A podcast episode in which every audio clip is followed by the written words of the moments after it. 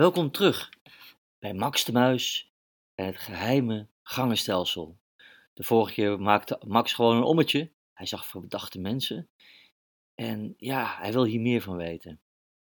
Max ging naar huis en hij ging dit keer bij zijn vader en zijn moeder lekker een hapje eten. Hij heeft ook twee broers, onze Max de Muis.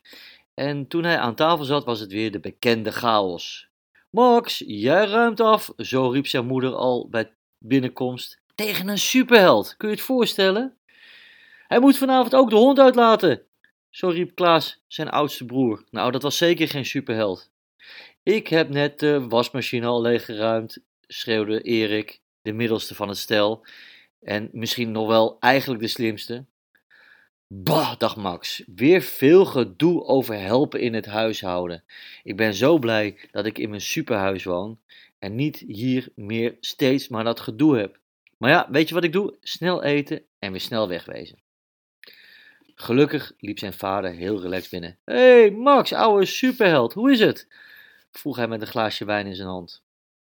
Max vertelde over de twee mannen die hem opvielen. Door, ja, tja, waardoor?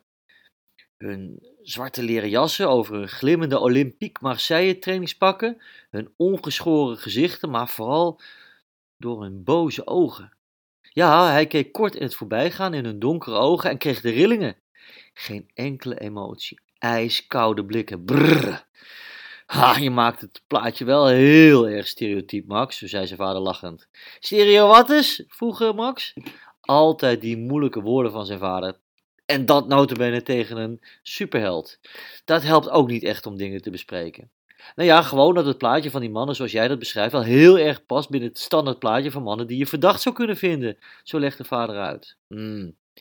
Oké, daar zit wat in, dacht Max. Maar als supermuis heb je op een gegeven moment wel een neusje voor verdachte figuren. Aan de andere kant, misschien heeft zijn vader wel gelijk en misschien liep hij daarom wel iets te hard van stapel. Maar het is, het is bloedheet. Ze hebben die dikke jassen aan. Uh, en ik ben ze gevolgd, zo vertelde Max. Nu werd het stil aan tafel. Zelfs zijn bekvechtende broers waren nu geïnteresseerd. Want Max is uiteindelijk wel een superheld, niet zomaar. In welke straat was je dan? vroeg Erik. De Van Stellingenwerf, vlak bij de supermarkt, vertelde Max.